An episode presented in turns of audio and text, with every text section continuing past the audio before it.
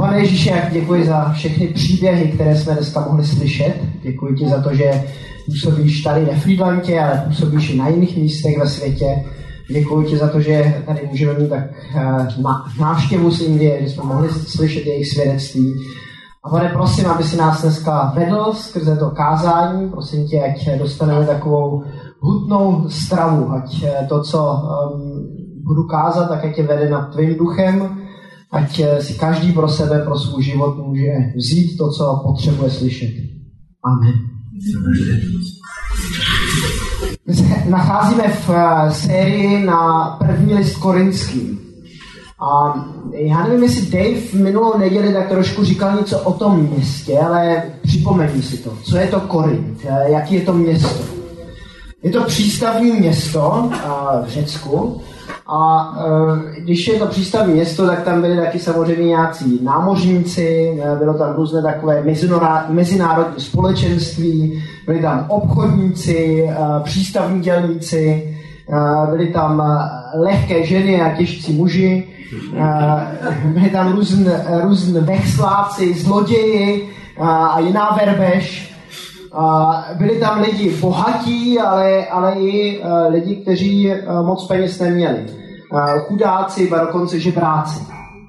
A já si to představuji takový, jako takový New York, jako takové město, které nikdy nespalo, kde se mísily různé vůně. Vůně takového toho orientálního koření a čerstvého mořského vzduchu s takovou vůní ryb a, a nějakých výkalů. A představuji si to jako město, které bylo hodně pestré. A taky tam byl pestrý sbor. Pestrý sbor, takový živý, dynamický, spontánní. Možná ten takový nejživější sbor v Novém zákoně, o kterém čteme v, těch, eh, v, eh, v Bibli. A zároveň to byl sbor, který, který se na různých věcech neschodl. Když čteme uh, ty dva listy do Korintu, tak tam je spousta různých problémů, s kterými se ta, uh, ten sbor, ta církev musela vypořádat. Oni se neschodli na tom, jaký by měly být pravidla pro manželství a pro rodinný život. Neschodli se úplně na tom, jak by měly vypadat správné bohoslužby. Uh, postavení role žen ve schromáždění, tak pro ně nebyla úplně jasná. Jak je to s se zjevováním Ducha Svatého, tak uh, tam, tam musel k tomu uh, Pavel taky hodně, hodně mluvit. Te, teologie vzkříšení. A k tomu navrh tak vzájemně tak chodili přes různé světské soudy, protože měli problémy, a, které nedokázali vyřešit sami, sami ze sebou nebo mezi sebou, ale museli tak jako dojít před ten světský soud. A mimo to, tak tam měli takové uh, duchovní uh, pastýře a jedni vzhlíželi eh, k tomu Pavlovi, který ten sbor v tom Korintě založil, jiní tak vzhlíželi k tomu vzdělanému Apolovi, eh, který přicházel z Alexandrie a pravděpodobně to byl dobrý řečník, takový intelektuál, eh, který, kde, kde ten Pavel možná mohl právě zabalit, protože mu lidi v tom schromáždění občas usínali. Jiní tak, tak tam měli rádi toho Petra, toho Kefase, který, který jim byl možná blízko, protože to byl rybář a mluvili jejich jazykem, anebo nějakým způsobem tak eh, byl takovým propojením k té jeruzalemské církvi, k té takové tradici. A teď do, te, do této situace, do tohohle sboru, do toho živého sboru s těmi um, různými vedoucími, tak píše uh, apoštol Pavel tu třetí kapitolu toho listu korinský, nebo celý ten list, ale dneska se budeme věnovat té třetí kapitole.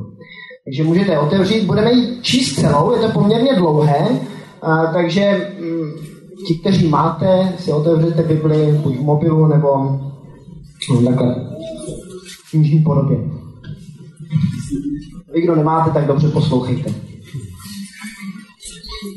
A já, bratři, jsem k vám nemluvil, nemo, a já, bratři, jsem k vám nemohl mluvit jako k duchovním, ale jako k tělesným, jako k nedospělým v Kristu. Dal jsem vám pít mléko, pokrm jsem vám dal, nebo ten jste ještě nemohli snést. Ale teď ještě, ale ani teď ještě nemůžete, neboť stále jste ještě tělesní. Vždyť pokud je mezi vámi žádlivost, svár a rozdělení, zdali nejste tělesní a nežijete jen po lidsku. Když jeden říká, já jsem Pavlův, a druhý já Apolův, nejste jako jiní lidé? Kdo je Apolos a kdo je Pavel? Služebníci, skrze něž jste uvěřili, jak každému dal pán. Já jsem zasadil, Apolos zasil, ale Bůh dával růst. Tedy ani ten, kdo sází, ani ten, kdo zalévá, nejsou něčím zvláštním, ale Bůh, který dává růst. Ten, kdo sází, ten, kdo zalévá, jsou jedno. Každý však dostane svou vlastní mzdu podle své námahy. Nebo jsme boží spolupracovníci. Vy jste boží pole, boží stavba.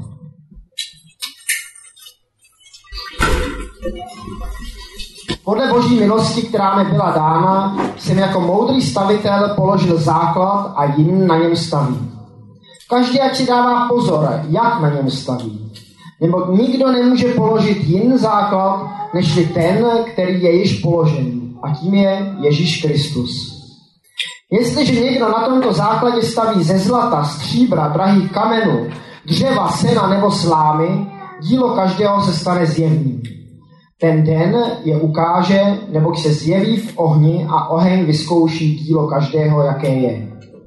Jestliže někdo na tomto základě vystaví dílo a ono mu zůstane, dostane odměnu. Jestliže mu dílo schoří, utrpí škodu. Sám sice se zachrání, ale jako skrze oheň. Nevíte, že jste boží svatyně a že ve vás bydlí duch boží? Ničili kdo boží svatyni, zničí Bůh jej, neboť boží svatyně je svatá a tou svatyní jste vy. Ať nikdo neklame sám sebe. Jestliže si někdo mezi vámi myslí, že je v tomto věku moudrý, ať se stane bláznem, aby se stal moudrý. Neboť moudrost tohoto světa je před Bohem bláznoství. Vždyť je napsáno, on chytá moudré v jejich chytráctví. A opět, pán zná myšlenky moudrý a, moudrých a ví, že jsou marné. Tak, ať se nikdo nechlubí lidmi. Vždyť všechno je vaše. Ať Pavel, nebo Apolos, nebo Kefas, ať svět, nebo život, nebo smrt, ať věci přítomné, nebo budoucí, všechno je vaše. Vy pak jste Kristovi a Kristus Boží. Je to hodně, co jsme teď četli, tak se pojďme podívat na některé věci. Nebudeme probírat úplně celou kapitolu, ale na některé věci, které tady pa- Pavel říká. Můžeme začít hned tím prvním veršem. A já, bratři, jsem k vám nemohl mluvit jako k duchovním, ale jako k tělesným, jako k nedospělým v Kristu. Pavel jako kdyby tady stavil dvě skupiny lidí proti sobě. Lidi duchovní a lidi tělesné. A on mluví jako ke křesťanům. Všichni, ke kterým píše, tak jsou křesťany. A přesto tak se zdá, že jsou mezi těmi křesťany dvě skupiny. Jedni, kteří žijí nějakým způsobem podle těla a jiní, kteří se nechají vést duchem. A jak, jak můžeme rozeznat tyto dvě lidi? Jak můžeme rozeznat, jestli my uh, jsme duchovními anebo uh, lidmi uh, podle, podle těla? Myslím, že na první pohled tak se to tak úplně jednoznačně vždy rozeznat nedá. Ale když tak trošku pozorujeme sami sebe, hlavně, tam to můžeme rozeznat nejlépe, tak, tak časem zjistíme, jestli žijeme podle té naší přirozenosti, nebo jestli se necháme uh, vést duchem svatým, jako to dneska říkala ve svědectví uh, Naty. Člověk se může nechat vést tou svojí přirozeností, to, k čemu ho ta přirozenost stáhne, anebo uh, naslouchat tomu, co mu duch svatý říká. A druhá věc, jak to můžeme rozeznat, myslím, že ten text mluví o tom, že jsou lidé, kteří na první místo tak eh, kladou lidi. A pak jsou lidi, kteří na první místo eh, kladou Pána Boha. A myslím, že i podle toho tak se trošku rozezná, jestli je člověk eh, duchovní, anebo jestli žije podle svého těla. Jestli na, na, na tom prvním místě má totiž člověka, většinou je to ten člověk jako sa, sám, jestli tam dá své vlastní já, tak, tak ten Pavel tady vlastně říká, eh, mluví, mluví takovým jájínkům, eh, kde, kde se všechno točí kolem těch jejich já. Oni jsou střed, středovodem, nebo si myslí, že jsou středovodem vesmíru. A uh, on, on říká, vy, vám jsem ještě nemohl dát ten správný pokrm. Vám jsem zatím musel dávat pořád mléko, protože něco pořádného byste vůbec nestrávili. A um, možná, že si ty uh, lidi tělesné můžeme um, představit jako takové uh, lidi, kteří občas syčí. Znáte to? Takové, uh, takové lidi, kteří když mají nějaký problém, tak si Jo, já bych to udělal určitě lépe než ten druhý. Jo, kdo, kdo, je, kdo je to, jako... Znáte to takové, takové si, jak se dá říct? Ten, já, jsem tady na, já jsem tady napsal dobré jméno uh, takové sikavky, takové sikavky. A je zajímavé, že všechno tělesné, nebo to, co popisuje to slovo tělesnost, se v češtině dá vyjádřit písmenem S. To jste tady poznamenal, aby, se nezapomněl. Samolibý, sebestředný, svéhlavý, svévolný a samospravedlivý člověk. To jsou ti lidi, kteří žijou tak jako podle toho svého těla. Takové sikavky, vojájíci. A Pavel tak říká, eh, jako, že, by, že bychom měli nějakým způsobem poporůst. Že, eh, a teď volí takové dvě metafory. Říkám, vy jako boží lid, tak jste boží pole. A hned eh, na, v závislosti na to, nebo za, na, návazem na to, tak říká, vy jste boží stavba.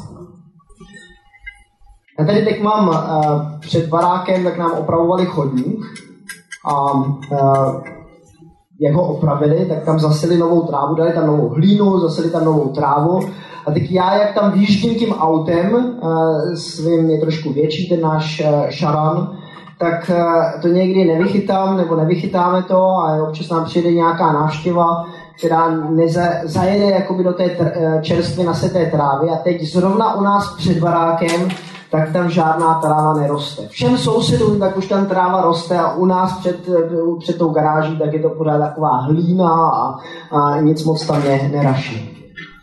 My někdy potřebujeme, aby v tom našem srdci, v tom našem poli, tak aby, aby to, ta hlína, tak aby to bylo nějakým způsobem tak trošku, um, jak to řekneme, uh, tu, tu hlínu, když ji potřebujeme roz, um, rozkypřit aby tento boží slovo mohlo dobře růst.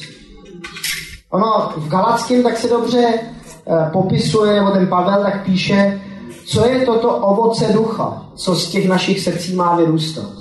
A píše, ovocem ducha je však láska, radost, pokoj, trpělivost, laskavost, dobrota, věrnost, mírnost, sebeovládání.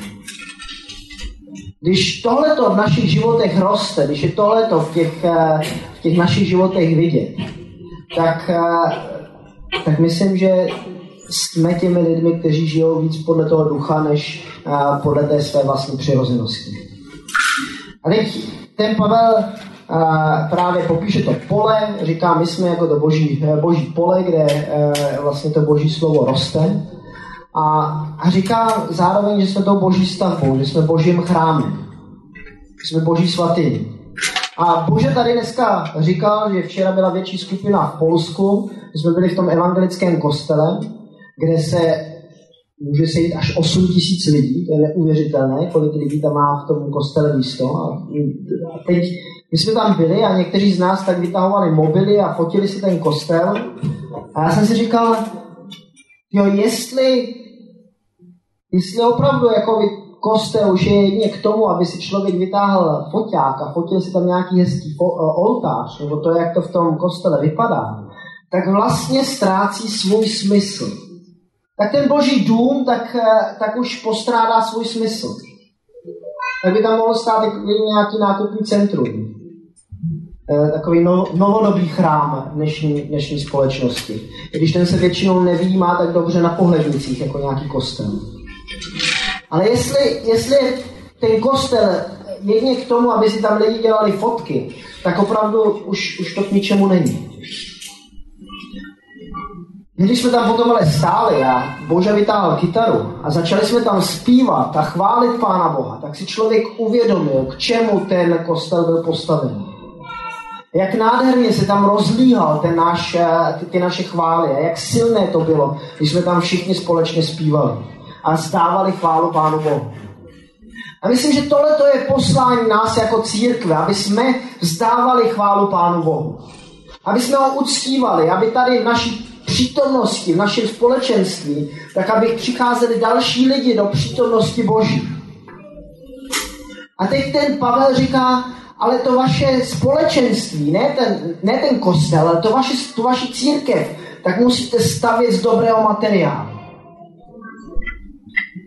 A, a říká tam no, vlastně zlato, stříbro, drahokamy, anebo eh, dřevo, seno, sláma. To tam popisuje v tom textu. A říká, že, že se až někdy, ne, někdy v budoucnosti tak se ukáže, z čeho jsme opravdu stavěli.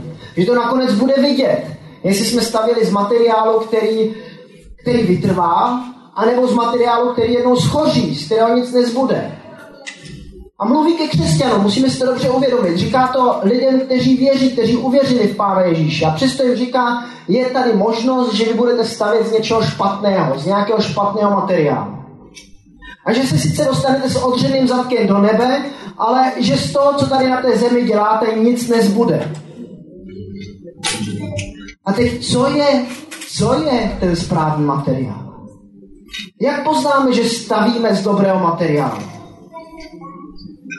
Myslím si, že Apoštol Pavel to v tom samém dopise zodpovídá na jiném místě. Když si přečteme celou tu kapitolu, 13. kapitolu 1. Korinským, tak tam popisuje, eh, co je to láska. A na konci toho tak jsou ty tři věci, které vytrvají. Říká, eh, co, co tam říká? Pamatujete, ne? Víra, naděje a láska. Myslím, že jestli tyhle ty tři základní kameny stavební materiály, jestli je máme, jestli je používáme, tak se nakonec to dílo tady na té zemi, to, co my děláme, tomu, čemu se věnujeme, nerozpadne, ale zůstane to stát. Jestliže ale tu lás, jestli, ne, začneme to, tím prvním, jestliže tu víru, tak nahradíme něčím opačným. A teď nemyslím nevěrou, protože všichni věříme, nebo většina z nás věří v Pána Ježíše, ale my tu, my tu vírou můžeme hlad, nahradit takovou nedůvěrou. Že nedůvěřujeme Pánu Bohu, že je dobrý. To je jedna věc. To, to, to, to tak jako, že pořád pochybujeme. Jestli to je, jestli, jestli teda jakoby to s Pánem s náma myslí dobře nebo ne. A nebo začneme nedůvěřovat jeden druhému.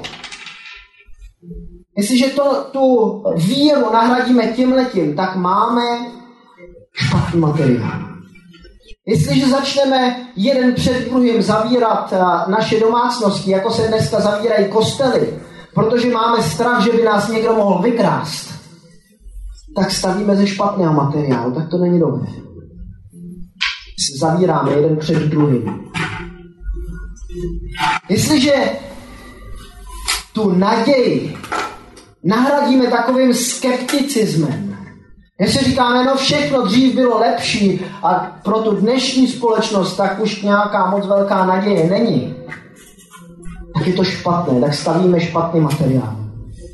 Myslím, že jako křesťaní tak bychom měli do těch problémů tohohle světa vnášet naději a ukazovat lidem, že to může být lepší. Že když jsou někde na dně, nebo když se my nacházíme na dně, tak to Pán Bůh s námi nevzdává. A že chce, aby i z těch někdy našich rozbitých životů rostlo něco dobrého, něco nového. je to poslední. Co je opakem lásky?